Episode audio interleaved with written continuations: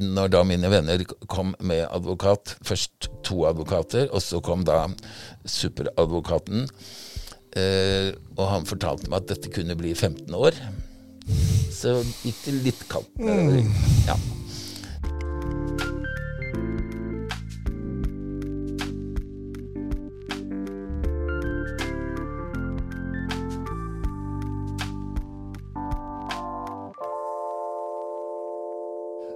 Ønsker vi velkommen til en ny podkast her fra foto.no. En ny episode av Fotopodden. Vi er så heldige at vi har fått besøk av ingen ringere enn den internasjonalt kjente og anerkjente fotografen Knut Bry. Som har gjort ja, kanskje det meste. I tillegg til å være fotograf så har han vært designer, modell. Og nå driver han mye med frivillig arbeid for flyktninger i Hellas. Noe av grunnen til at vi ville ha deg hit i dag, Knut, det er jo fordi du var litt uheldig tidligere i vår ja, kan vel si det. Uh, på Lesvos. Uh, først, velkommen. Hjertelig velkommen. Tusen takk for at du ville komme. Takk. Uh, jeg vet ikke om vi skal begynne med litt av bakgrunnen din, før vi går inn på de mer juicy detaljene. Tja, hva, hva, hva vil du ha? Hvordan havna du som fotograf? Eh, alt er jo tilfeldigheter. Jeg hadde to onkler som var fotografer. Det kan jo ha vært eh, en del av det. Og når jeg var gjetgutt på Stølen i sånn slutten av 50-årene, så, så sparte jeg pengene mine og kjøpte et lite Kodak-kamera. Jeg vet ikke om dere husker det lille ovale sånn. Det var én knott og et slags plastobjektiv. Så det var der begynte jeg. Jeg var veldig liten på 50-tallet, men uh... Ja, det, det, det kan være. Ja, og, men du, du begynte som kokk, gjorde du ikke det? Egentlig din Ja. yrkeskarriere? Jeg, jeg gikk i lære på Norum hotell i Bygdøy allé Ja. fem år.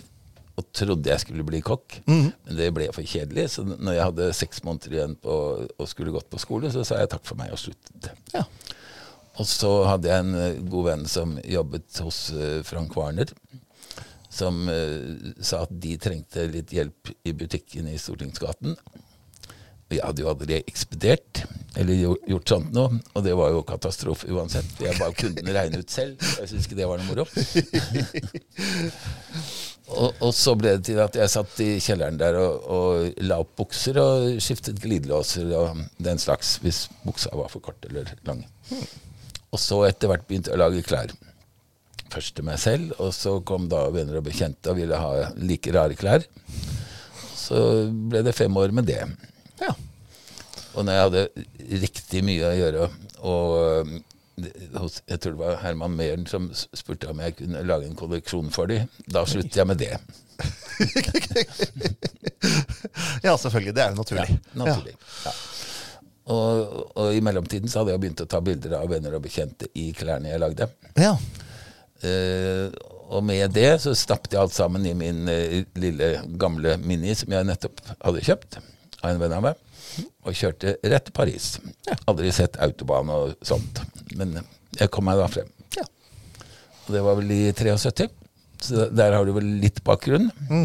Og da, da var jeg da var jeg sånn eh, litt fotograf, litt designer, litt modell. Jeg kunne ikke bestemme helt hvilke, da. Så jeg gikk rett til Vogue. Mm, selvfølgelig. Tenkte vi begynner der. Det er ikke noe vits å begynne med de små. Og de syntes sikkert dette vesenet fra Norge var ganske rart, så de, de kjøpte mat til meg og sånn, for jeg hadde jo ikke noe penger. ja, men det var snilt av dem. Det var veldig snilt. Så jeg, så jeg fikk mat, og de brukte eh, et par av antrekkene mine i Vogue på, på damer. Og så eh, fikk jeg da eh, beskjed om at jeg måtte møte opp neste dag. Det vil si at eh, da sto det en sort bil og ventet. Og en meget elegant eh, redaktrise fra Vogue. Og jeg dro da til Yves Saint Laurent for å prøve hans eh, Jeg tror det var den første herrekolleksjonen. Som da ble fotografert hele natten av fotografen eh, Alex Chatelain. Så da, da regnet jeg med at min fremtid var sikret. Mm. Og bare at når bildene kom ut, åtte sider i Vogue om, så var hodet kuttet av. Som- Ja, men det allikevel var- å figurere Vogue liksom med egen Ja, men- kolleksjon Nei, og, men, men dette var ikke mine klær. Dette Å, nei, det var jo- ikke dine klær, nei. nei. dette var jo Yves Saint Laurent. Det er jo Ja, liksom på Ja, høy, det klær, høyeste ja, nivå. ja, ja, selvfølgelig. Mm. Så, så da likte de ikke trynet mitt. Nei. Så det var, det var jo like greit at jeg fikk klar beskjed, så behøvde jeg jo ikke gjøre det lenger. Nei, du var bare ute etter kroppen din. Ja, Ja. nemlig. sånn er det. Så, så da, da fortsetter jeg å ta bilder. Men i, dette var jo 73, så da, da hadde jeg jo ikke mer penger. Så jeg måtte selge av klærne mine for å få nok bensin så jeg kunne kjøre tilbake til Norge og avvikle studioet mitt i Stortingsgaten. Og så dro jeg ned igjen da i 75. Ja. Og da var du fotograf. Da var jeg fotograf. Ja. Hvordan blir man fotograf se- i Paris i det aner jeg ikke. Nei. Jeg, jeg bare tar bilder. Ja. Eh, Nei, jeg hadde, jeg hadde jo ikke lært noe. Så, så i Da begynte jeg å jobbe for L-magasin. Så da, da kom jeg i studio, og først, nei, den andre jobben jeg skulle gjøre, den var i studio. Jeg hadde jo aldri jobbet i studio, så jeg skjønte jo ingenting. Så studiomanageren han spurte hva slags lys jeg skulle ha.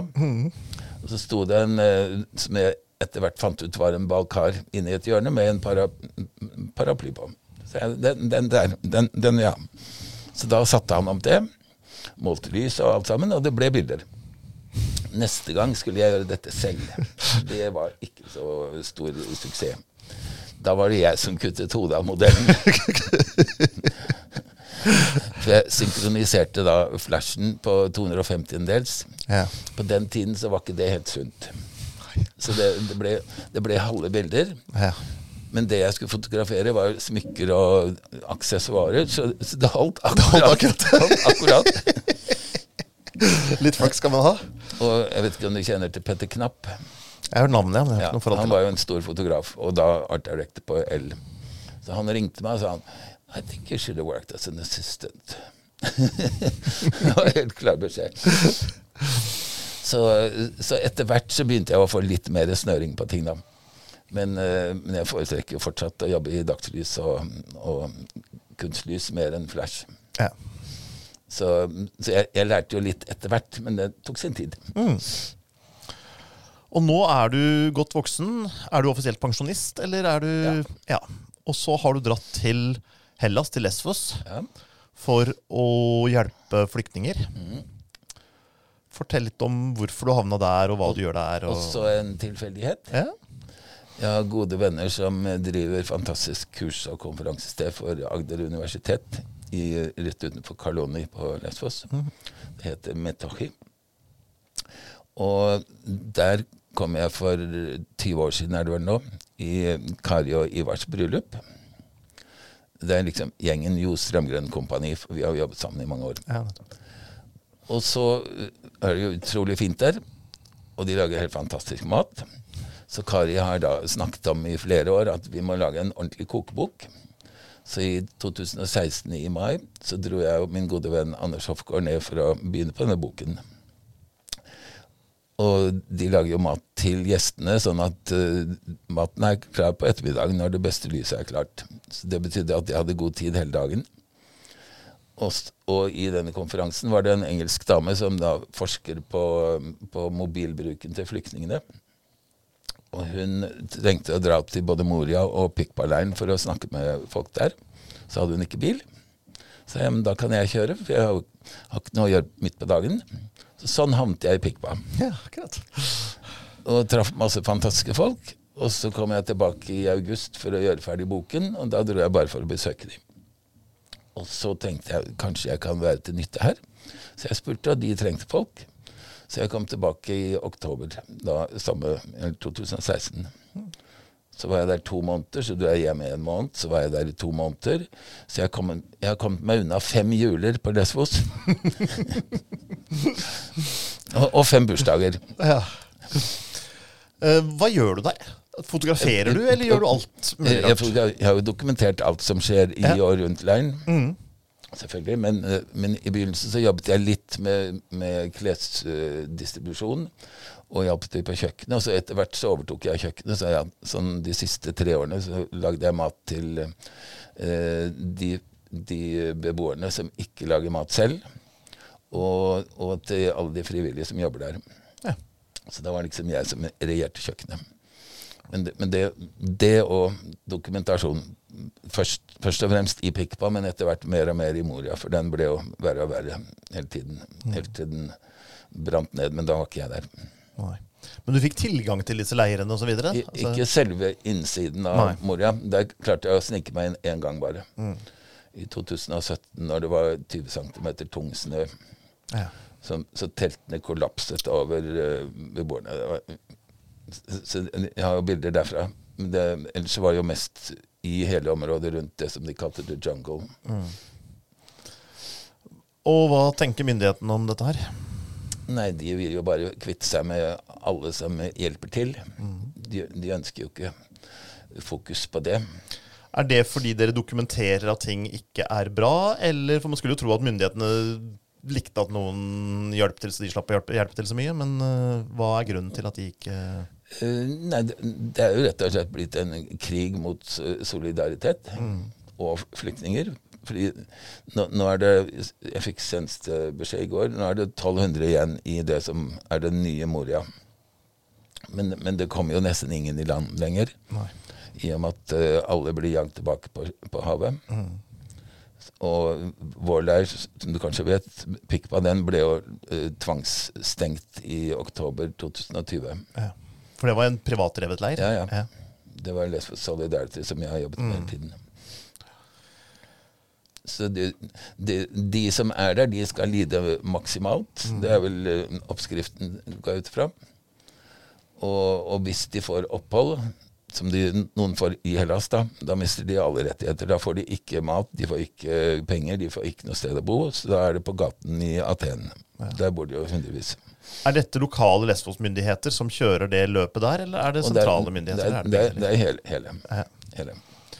Men så skjedde det noe i vår. Jeg husker ikke akkurat datoen, men det husker garantert du. Tja, det burde jeg jo Var det 26. mars? Al- Alt skjer i mars i, på, på Lesvos. Akkurat. Eh, skal vi se det var, det var i hvert fall en tirsdag. Det er jeg helt sikker på. For i hele vinter så har jeg jobbet med matdistribusjon til familier inne i Nye Moria, og, og familier som bor i leiligheter som Lesbos Solidarity eh, eh, driver og, og har renovert og satt stand. Og til lokale, for det er jo mange lokale som sliter òg. Det er jo ikke veldig fett i, i Hellas for tiden.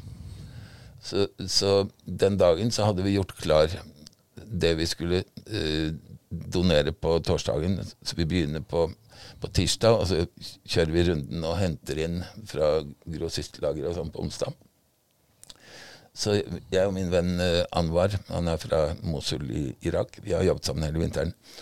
Så vi var akkurat ferdige, og så skulle jeg levere tilbake en liten minnepinne med bilder som jeg hadde tatt for noen på Mosaikksenteret, som er et sånn supportsenter. Eh, De hadde jeg tatt dagen før, så den skulle jeg levere tilbake til hun som uh, jobber der. Men så sa Anwar at jeg, jeg skal opp dit, da kan jo jeg ta den med. Så den ga jeg til han. Eh, Hadde jeg ikke gjort det, så ville ingenting av det som skjedde senere, hendt. Akkurat. For da hadde jeg ikke gått den turen ut på moloen som jeg nå gjorde. Nei. For det, det var fint vær, og ofte så går jeg en tur når jeg er ferdig med jobb.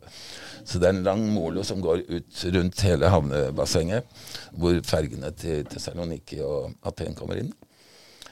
Så jeg gikk utover der, og på vei ut så ser jeg en svær blå røyksky inne i havnen. Eh, den stammer da fra et 50 år gammelt eh, marinefartøy som kommer sigende utover. Og med kamera i hånden. Så det første jeg tenker, er at dette må jo dokumenteres. Så jeg går til enden av, av moloen. Der er det en flott rotunda med søyler. Så, så jeg tar syv bilder når, det, når dette fartøyet kommer sakte forbi. Jeg står jo ikke og gjemmer meg bak søylene. Jeg tar bildene, og så, og så kommer det en uh, kystvaktbåt, så jeg tar to av den. Så de som uh, da sto på dekk på, på denne båten, de så jo at jeg tok bilder. Så når jeg gikk tilbake, så kommer det en mann på motorsykkel, sivil, og sier høflig 'Har du tatt bilder av båten?' Ja, sa jeg. Det har jeg gjort. Og så ville han se de. Da hadde jeg bare den lille leika min. Så han så de, og så tok han en telefon. Og så var det vel tre minutter, så var det politi der og hentet meg bare rett inn i bilen og opp, i, opp på kystvakt, eh, narkotikapoliti, Frontex-kontoret. Alt det er samlet. Det var ikke nok å si unnskyld jeg sletter de to bildene av Nei, nei. Nei. Nei, nei. Så, så da, da var det Først satt jeg et par timer i, i, på et kontor og ventet. For de skal liksom du, du skal, Ting må, må liksom gå langsomt. Og så var det forhør i et par timer, hvor de da kom med sånne fantasiscenarioer. At selvfølgelig solgte jeg bilder av denne, disse båtene til uh, tyrkiske smuglere. Det, det, var jo klart. Og dessuten så, så, var det jo klart at de hadde hjulpet masse flyktninger i, i land på øya. Men jeg har jo aldri sett en båt komme inn, for de kommer jo mest på natten. Mm. Og jeg har det med å stå opp litt sent. og, og, og, så at jeg da jobber med jeg sender informasjon til um, Agent Both Report, som er uh, den nordmannen som driver som han, han, henter inn informasjon rundt hele Middelhavet, hva som skjer hele tiden. Mm. Men ingenting av dette stemmer jo. Nei. Så de tok meg da uh, stapp, Satt på meg håndjern, dro meg ut i en bil, kjørte meg veldig fort til hotellet. Syv stykker med latekshansker på opp inn på rommet. Så sa de 'sit down'. Så jeg ble satt i en stol i hjørnet, og så ransaket de rommet mitt. Gikk gjennom absolutt alt. De skrudde løs uh, kontaktene på veggen. De, de, åpnet opp aircondition på veggen. De tok uh, stoler og, og madrass. Alt skulle sjekkes. Så tok de alt utstyret mitt. Stappet det i plastposer ristet ut uh, underbukser til og med. Du vet jo aldri. Nei, nei. Uh, gravde ut hårgeleen min som jeg hadde på badet. Det kan jo være mye rart oppi der. Ja, ja. Og så var det tilbake i, i cellen. Ny, nydelig liten celle i betong som var ja, Den var ikke så stor som dette rommet her. Uh, ren betong, bare med Og ikke så fint. Dette er veldig fint rom, som dere ser. Ikke fullt så fint. Det var ikke så mye utstyr der heller. Det var kun betong. Og så var det en 45 cm sånn betongkant i vinkel. Den var akkurat lang nok til å ligge på. Det var der jeg skulle sove. Så fikk jeg to tynne soveposer og to sånne uh, syntetiske pledd. Det var det. Ikke noe varme, ikke noe lys. Så der var jeg seks døgn. Og ikke fikk du bok å lese? Jo, etter hvert. Uh, jeg, jeg, skjønte jo ingenting første, første, dagen. Da tenkte jeg nå skal de bare ta bildene, og det er det. Så når de spurte om jeg ville ha kontakt med ambassaden, sa jeg nei, det er jo ikke nødvendig. Så jeg signerte på papiret at det bør vi ikke. Og så etter hvert neste dag så oppdaget jo at det var jo kanskje litt mer seriøst. Så når, de, når, da mine venner kom med advokat, først to advokater, og så kom da superadvokaten, eh, og han fortalte meg at dette kunne bli 15 år. Så gikk det litt kaldt. Mm. Ja. Så, så hva, hva, hva, tenker man da? Ne, du, du, blir jo nesten målløs. Ja. Og så, så, fikk jeg da liksom greie på hva, hva dette innebar. At det var virkelig spionasje. Siktet for det. Og så eh, så etter hvert så fikk jeg da besøk av, av, mine venner der. Så de kom med mat fra restauranten som, som er en del av organisasjonen. For den maten de hadde der, var, var bare sånn fet uh, takeaway. Og så uh, fikk jeg lov å, å, ta inn lommelykten min. Den hentet de for meg. Og så fikk jeg en bok som venner kom med, og det hjalp jo betraktelig. Eh, Pluss at jeg fikk et liggeunderlag fra en venn av meg. For å ligge på kald betong så ikke så godt. Så seks netter. Siste to skulle jeg vært i fengselet. Det offisielle fengselet. Dette er jo et, en celle i, i kontorene deres, da. Mm. Men eh, gru, på grunn av de hadde hentet inn alle sigøynerne på øya, så de satt der, og der var det stappfullt. Og de hadde covid, og det var uh, kakerlakker og diverse. Så, så jeg slapp seg. Det var bedre i selv, ja, faktisk. Så, ja. så, så suiten min på, oppe på kontoret var egentlig bra til slutt. Uh, og du fikk jo fangruppe i Norge også? Ja, det er jo, det er jo helt sinnssvakt. Over 4000 som har stilt opp på, på støttegruppe. På Facebook. Ja, Bare helt ubegripelig. Hadde jeg hatt en litt annen fargetone, så hadde jeg nok ikke sittet her. Nei. Og de, de samlet jo inn over 100 000. Katrin Glatt Brubakk satte i gang uh, fundraising. Jeg tror det tok tre dager eller noe sånt nå, for de hadde fått til det. For, Ja, til kausjon og ja, ja, Hun måtte jo betale 40 000, eller ja, 4000 euro Mm. i kausjon. Men du sier hvis du hadde hatt en annen hudfarge, så hadde du ikke sittet her. Um, det er ikke sikkert du hadde sluppet en gang inn i Norge med annen hudfarge. Det, Nei, nei. det er noe annet sak. Nei, nei, nei. Men, men tenker du da på statsborgerskap eller rent hudfarge, eller hvor går grensa her, tenker du, på Nei, nei, men det ville gjort? Statsborgerskap, selvfølgelig. Mm. Det er jo en fordel å komme fra Norge. Men, eh, men eh, det, jeg har mange venner som har sittet lenge i fengsel bare for å eksistere. Ja. Hvis, hvis de, får, de får first, second, third, fourth rejection, og etter hvert sånn tredje, fjerde, så blir de fengslet. Ja. Og, og, men disse deportasjonene til Tyrkia, de, de har de liksom ikke fått i gang sånn som de har ønsket. Så de blir da sittende og vente og vente og vente og vente. Alt, alt tar jo år.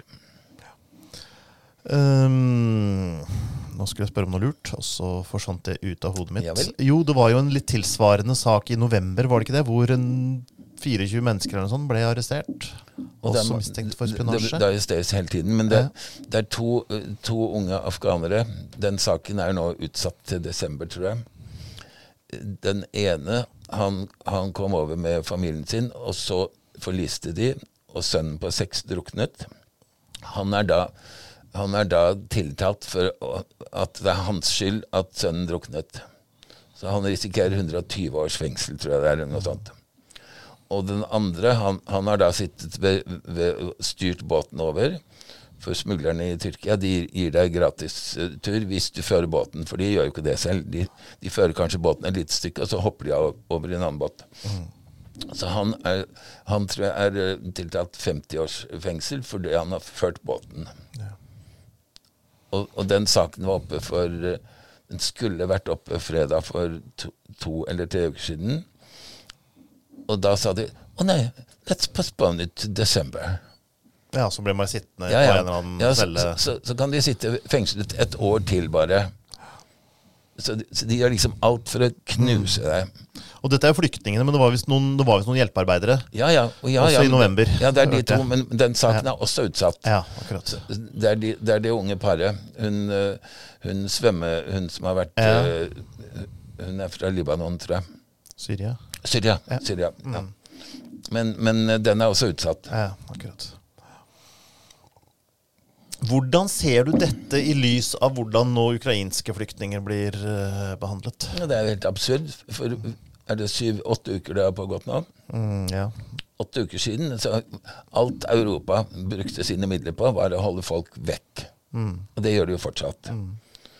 Og så skjer grusomheten i Ukraina, og da er det velkommen til alle. Det er jo helt fantastisk. Men hvorfor er det da helt umulig at de som har gjennomgått tilsvarende ting i Afghanistan og Syria og ja, Somalia, at de da skal jages vekk, bare? Det er ren diskriminering. ja. Det er selvfølgelig lettere altså Selv de hardeste innvandringsmotstanderne kan jo si at ja, men nå har vi jo sagt i årevis at vi skal hjelpe folk i nærområdene, og Ukraina er er det nærområdene. Det er det ingen som tror på. De pengene som sendes dit, de kommer aldri flyktningene til gode. Nei. Og så har det jo noe med litt mer felles religion, og ikke minst litt Ja, ja. mer felles hudfarge, selvfølgelig.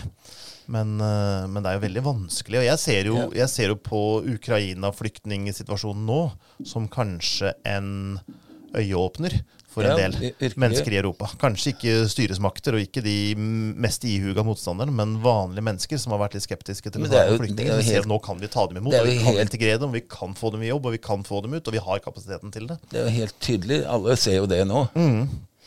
Så det er jo mange av Syria-argumentene som ikke lenger kan brukes. Fordi man ser at det fungerer. Ja.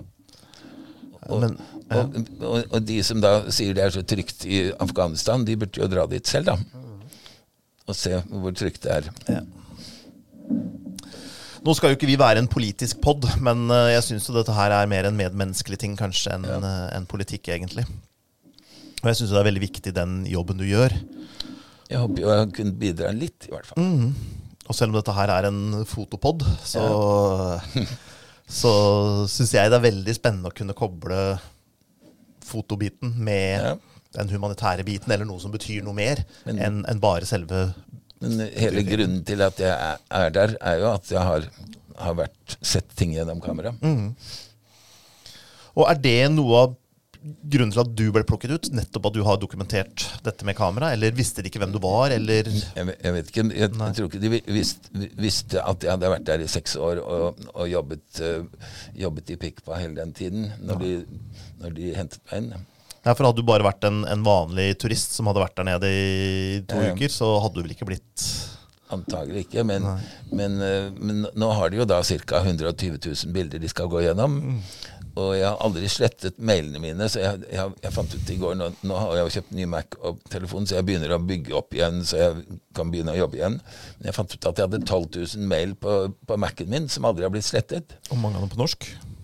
Norsk og diverse språk, så de kommer til å ha kjempemoro i lang tid. Ja, for, for du er løslatt, men du er ikke ferdig med dette her på noen måte? Nei, jeg, er fortsatt eh, siktet, Du er fortsatt siktet, ja. ifølge advokaten. Hva innebærer det i praksis, bortsett fra at de har alt utstyret ditt? Det, det er ingen som vet. Nei, kan du reise ut av Jeg kan, jeg, jeg kan reise tilbake til Hellas. Ja. Jeg må si, gi beskjed 24 timer før jeg ankommer, samme som når jeg dro. Men uh, foreløpig så Jeg har ikke gjort ferdig boken som vi holder på med. Vi lager jo 30-årsjubileebok til um, Universitetet i Agder. Og de har jo alle bildene, eller nesten alle bildene. Mattbildene har vi fått. Ja. Uh, så der er det arbeid igjen. Så jeg, jeg bør komme ned igjen og gjøre ferdig den, i hvert fall. Ja. Men ikke før til høsten uansett. Nei, men du risikerer ikke å bli arrestert når du Det- kommer ned? Det, det, det vet vi heller ikke. Ikke Kan du forlate Schengen? Kan du reise til Brasil og aldri komme tilbake igjen? det, tror jeg jeg kan, Det var en kjempeidé! Hva med Uruguay, kanskje? Ja. Er det ikke dit alle skumle folk drar? Jo, i hvert fall etter krigen så var det mange Ja. som dro til Uruguay. Det var det. Nå drar man til Brasil, for de har ikke utvekslingsavtale. Ja, ja, men det var fint. Takk skal du ha. Kjempetips. Kjempetips. Jeg har vært der, men jeg har aldri tenkt på å emigrere. da. Nei, Du får gjøre som uh, søstera til kongen. Ja. Ja. ja, så, Men når tror du dette her blir ferdig, og hva skjer hvis du Altså, Vil du dra ned hvis det blir en rettssak, eller er du redd for en dom, sånn at du heller uteblir og får en uteblivelsesdom, eller? Jeg, jeg aner ikke, Nei. rett og slett. Nei. Men jeg, jeg traff en av sjefene for Leger uten grenser like før jeg dro. Og han sa oh, we're two in the same boat. Så han, han har da eh, blitt, eh, blitt tatt for noe lignende. Jeg vet ikke, jeg vet ikke akkurat hva, men, men det er fire år siden, og saken hans har ikke kommet opp ennå. Så, så alt er jo skremselsteknikk, selvfølgelig. Ja. Men um, ingen som vet. Men så lenge du kan leve et noenlunde normalt liv med det hengende over deg, så er det vel ikke noe stort problem at du blir utsatt? Nei, nei. Eller hvordan føler du? Føler du en sånn uro at du hele tiden går og Nei, jeg går ikke og ser meg over skulderen lenger, men, men der nede så tenkte, tenkte jeg å, der kommer det en politibil, liksom. Og det kryr jo av dem. for EU sender jo milliarder ned, så de får nye biler og nye båter og alt.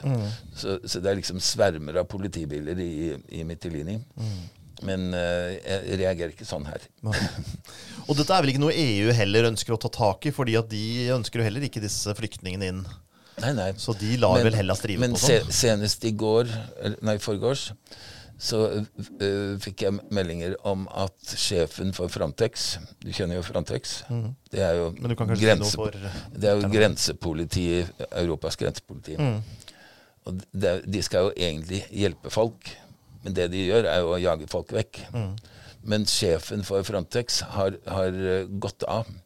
For både Der Spiegel og flere store europeiske aviser har nå tatt opp hele den problematikken med hvor mye, eller hvor mange som blir jagd tilbake på havet. Omtrent daglig. Og ifølge advokaten Jeg, jeg har ikke visst om pushbacks for uh, kanskje tre år siden, første gang jeg hørte ordet. Men advokaten min sier at det har pågått i 20 år, og hele tiden blitt dysset ned, så ingen skulle vite om det. Det er ganske grotesk når de fratas motoren, og de prøver å stikke hull på båtene. De, de kaster eh, eh, flyktningene over i sånne rafts eh, uten motor, og bare lar de drive til de enten, enten drukner eller eh, blir plukket opp av tyrkisk eh, kystvakt. Og det skjer hele tiden. Og dette er på det lille sundet mellom Tyrkia Ja, ja. og Lesvos, Ja, for der er det sånn seks kilometer eller noe sånt? er det ikke? Ja, men på det korteste. Men eh, nærmere Mytilin så er det lengre. Ja. Men det, det er jo ikke bare Det er jo Chios og flere av de øyene. Kommer det folk svømmende? Det har, jeg vet folk som har svømt Bortsett fra disse syriske søstrene som dro båten. Ja, ja. Men øh, Nei, men jeg, jeg vet flere som har, har svømt. Men da skal du være ganske tøff. Jeg kan ikke svømme, så jeg kan ikke svømme til Tyrkia engang. Så du har jo nå blitt del av egentlig et storpolitisk spill som hele EUs kamp mot å få Ja, mørkhudete muslimske mennesker i nød inn. ja. Føler du deg viktig pga. det? Nei. Nei. Hvis jeg kan være en liten brikke, forhåpentligvis det jeg har vært med på nå, om det kan dytte i gang et eller annet som kan gjøre det bedre, det er å håpe. For, noe må, må forandres. De, de, de kan ikke holde på som de gjør med den politikken de har. Nei. Nei, vi får se hva som skjer nå med, med Ukraina-flyktninger, Ja. og, og hva det eventuelt åpner for. Ja. Uh, det er uh, Man må jo huske på at dette her er jo enkeltskjebner. Ja. Mennesker i så desperat nød. Og når en far tar med sitt barn på en ferd hvor begge to risikerer å drukne, og den ene. Ja. faktisk ender opp med å drukne, så er det jo ikke fordi han har lyst på et litt bedre liv. Det er fordi han trenger å ha et liv. Han trenger å overleve. Barnet trenger en framtid. Nemlig. Og, og, og de historiene som jeg hører og Alle har jo en, en historie, men det er jo ting som er så ubegripelige at du tror ikke det er mulig å overleve det. Tortur, eh, fengsling, eh, familie, hele familier som er borte, liksom. Det du, du drar ikke over havet med barnet ditt uten at det er enda verre hjemme. Og når de kommer til havet, så har de reist ganske langt allerede. Ja. Da har de vært over ganske mange fjell og ganske mange vintre. Gått over fjell i snø. Det, det, Nei, Det er jo helt forferdelig å tenke på, men vi er jo ikke skrudd sammen på en måte som gjør at vi klarer å ta inn over oss millioner av skjebner. Vi kan ta inn over oss én og to og tre og fem Ja. skjebner, men vi kan ikke ta inn over oss en million skjebner. Og da blir det jo fort redusert til tall i en statistikk. Mm. Ja. Og da er det også veldig mye lettere å si at ja, men det er bare tall i en statistikk. men eh, jeg skulle ønske det var et tvang at alle skulle, før eller siden i livet skulle eh, gjøre en eh, frivillighetsjobb. Uansett om det var hjemme her eller noe annet sted. Men, men det, det har vært fantastisk å kunne oppleve det, rett og slett. Alle de menneskene jeg har møtt. Både flyktninger og frivillige. Absolutt, men jeg tror kanskje de som får utbytte av det, er de som ønsker å gjøre en frivillig jobb. Ja. Hvis man blir satt til det, så tror jeg man ser på det som en straff. og ikke Nei, nei, men oppfatter kanskje, det ikke, som en... kanskje ikke tvang, men, Nei, ja. men, men, men det ville være bra for alle, tror Ja, jeg. jeg tror det kunne vært en øyeåpner. Absolutt. Å se menneskene der. Ja. Vil vi sånn genetisk alltid ha lettere for å akseptere de ukrainske flyktningene fordi de ser ut som de er nærmere oss, og fordi de har en religion som ligner mer på vår? Du tenker sikkert automatisk at ja, men de, de jo Det ligner jo mer. Mm. Men, uh, men man må tenke videre enn det. De kan gli inn i samfunnet uten at man Ja. trenger å se at de er flyktninger. Kanskje. Ja. Men- jeg, vet, jeg vet ikke hvilke mekanismer som fungerer der, men men tenk på all den kultur og, og de talentene du går glipp av. Mm. Som sitter bak eh, veggen og ikke kommer inn. Men, men sant? i Norge, i hvert fall, og helt sikkert i det aller meste av Europa, så har man jo sagt at jo, disse flyktningene er velkomne, og vi må hjelpe dem. Og jeg nekter å tro at det meste av Europa er grunnleggende rasistisk. Så jeg tenker at det ligger noe bak som gjør at vi, uten å tenke over det, aksepterer det ene lettere enn det andre.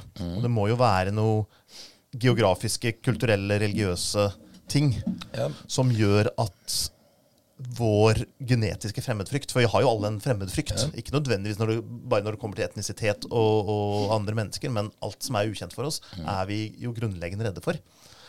At den fremmedfrykten ikke slår inn på ukrainere, men den slår inn på, på mange andre.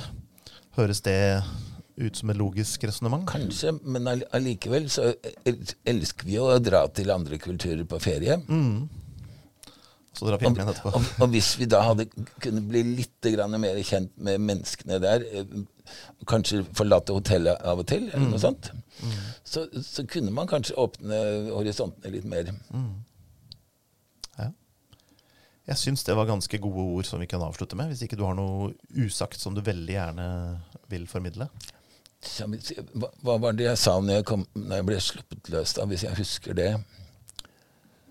Solidarity Jeg må si på engelsk Solidarity and respect for all refugees, no matter color or country. Organisasjonen du jobber for, er Less for Solidarity. Ja. Den kan dere finne på nettet ved å bare google. Ja. Takk for at dere så på. Tusen takk for at du Tusen kom. Knut. Og lykke til i den videre prosessen. Tusen takk. Jeg fortsetter å ta bilder. Så bra.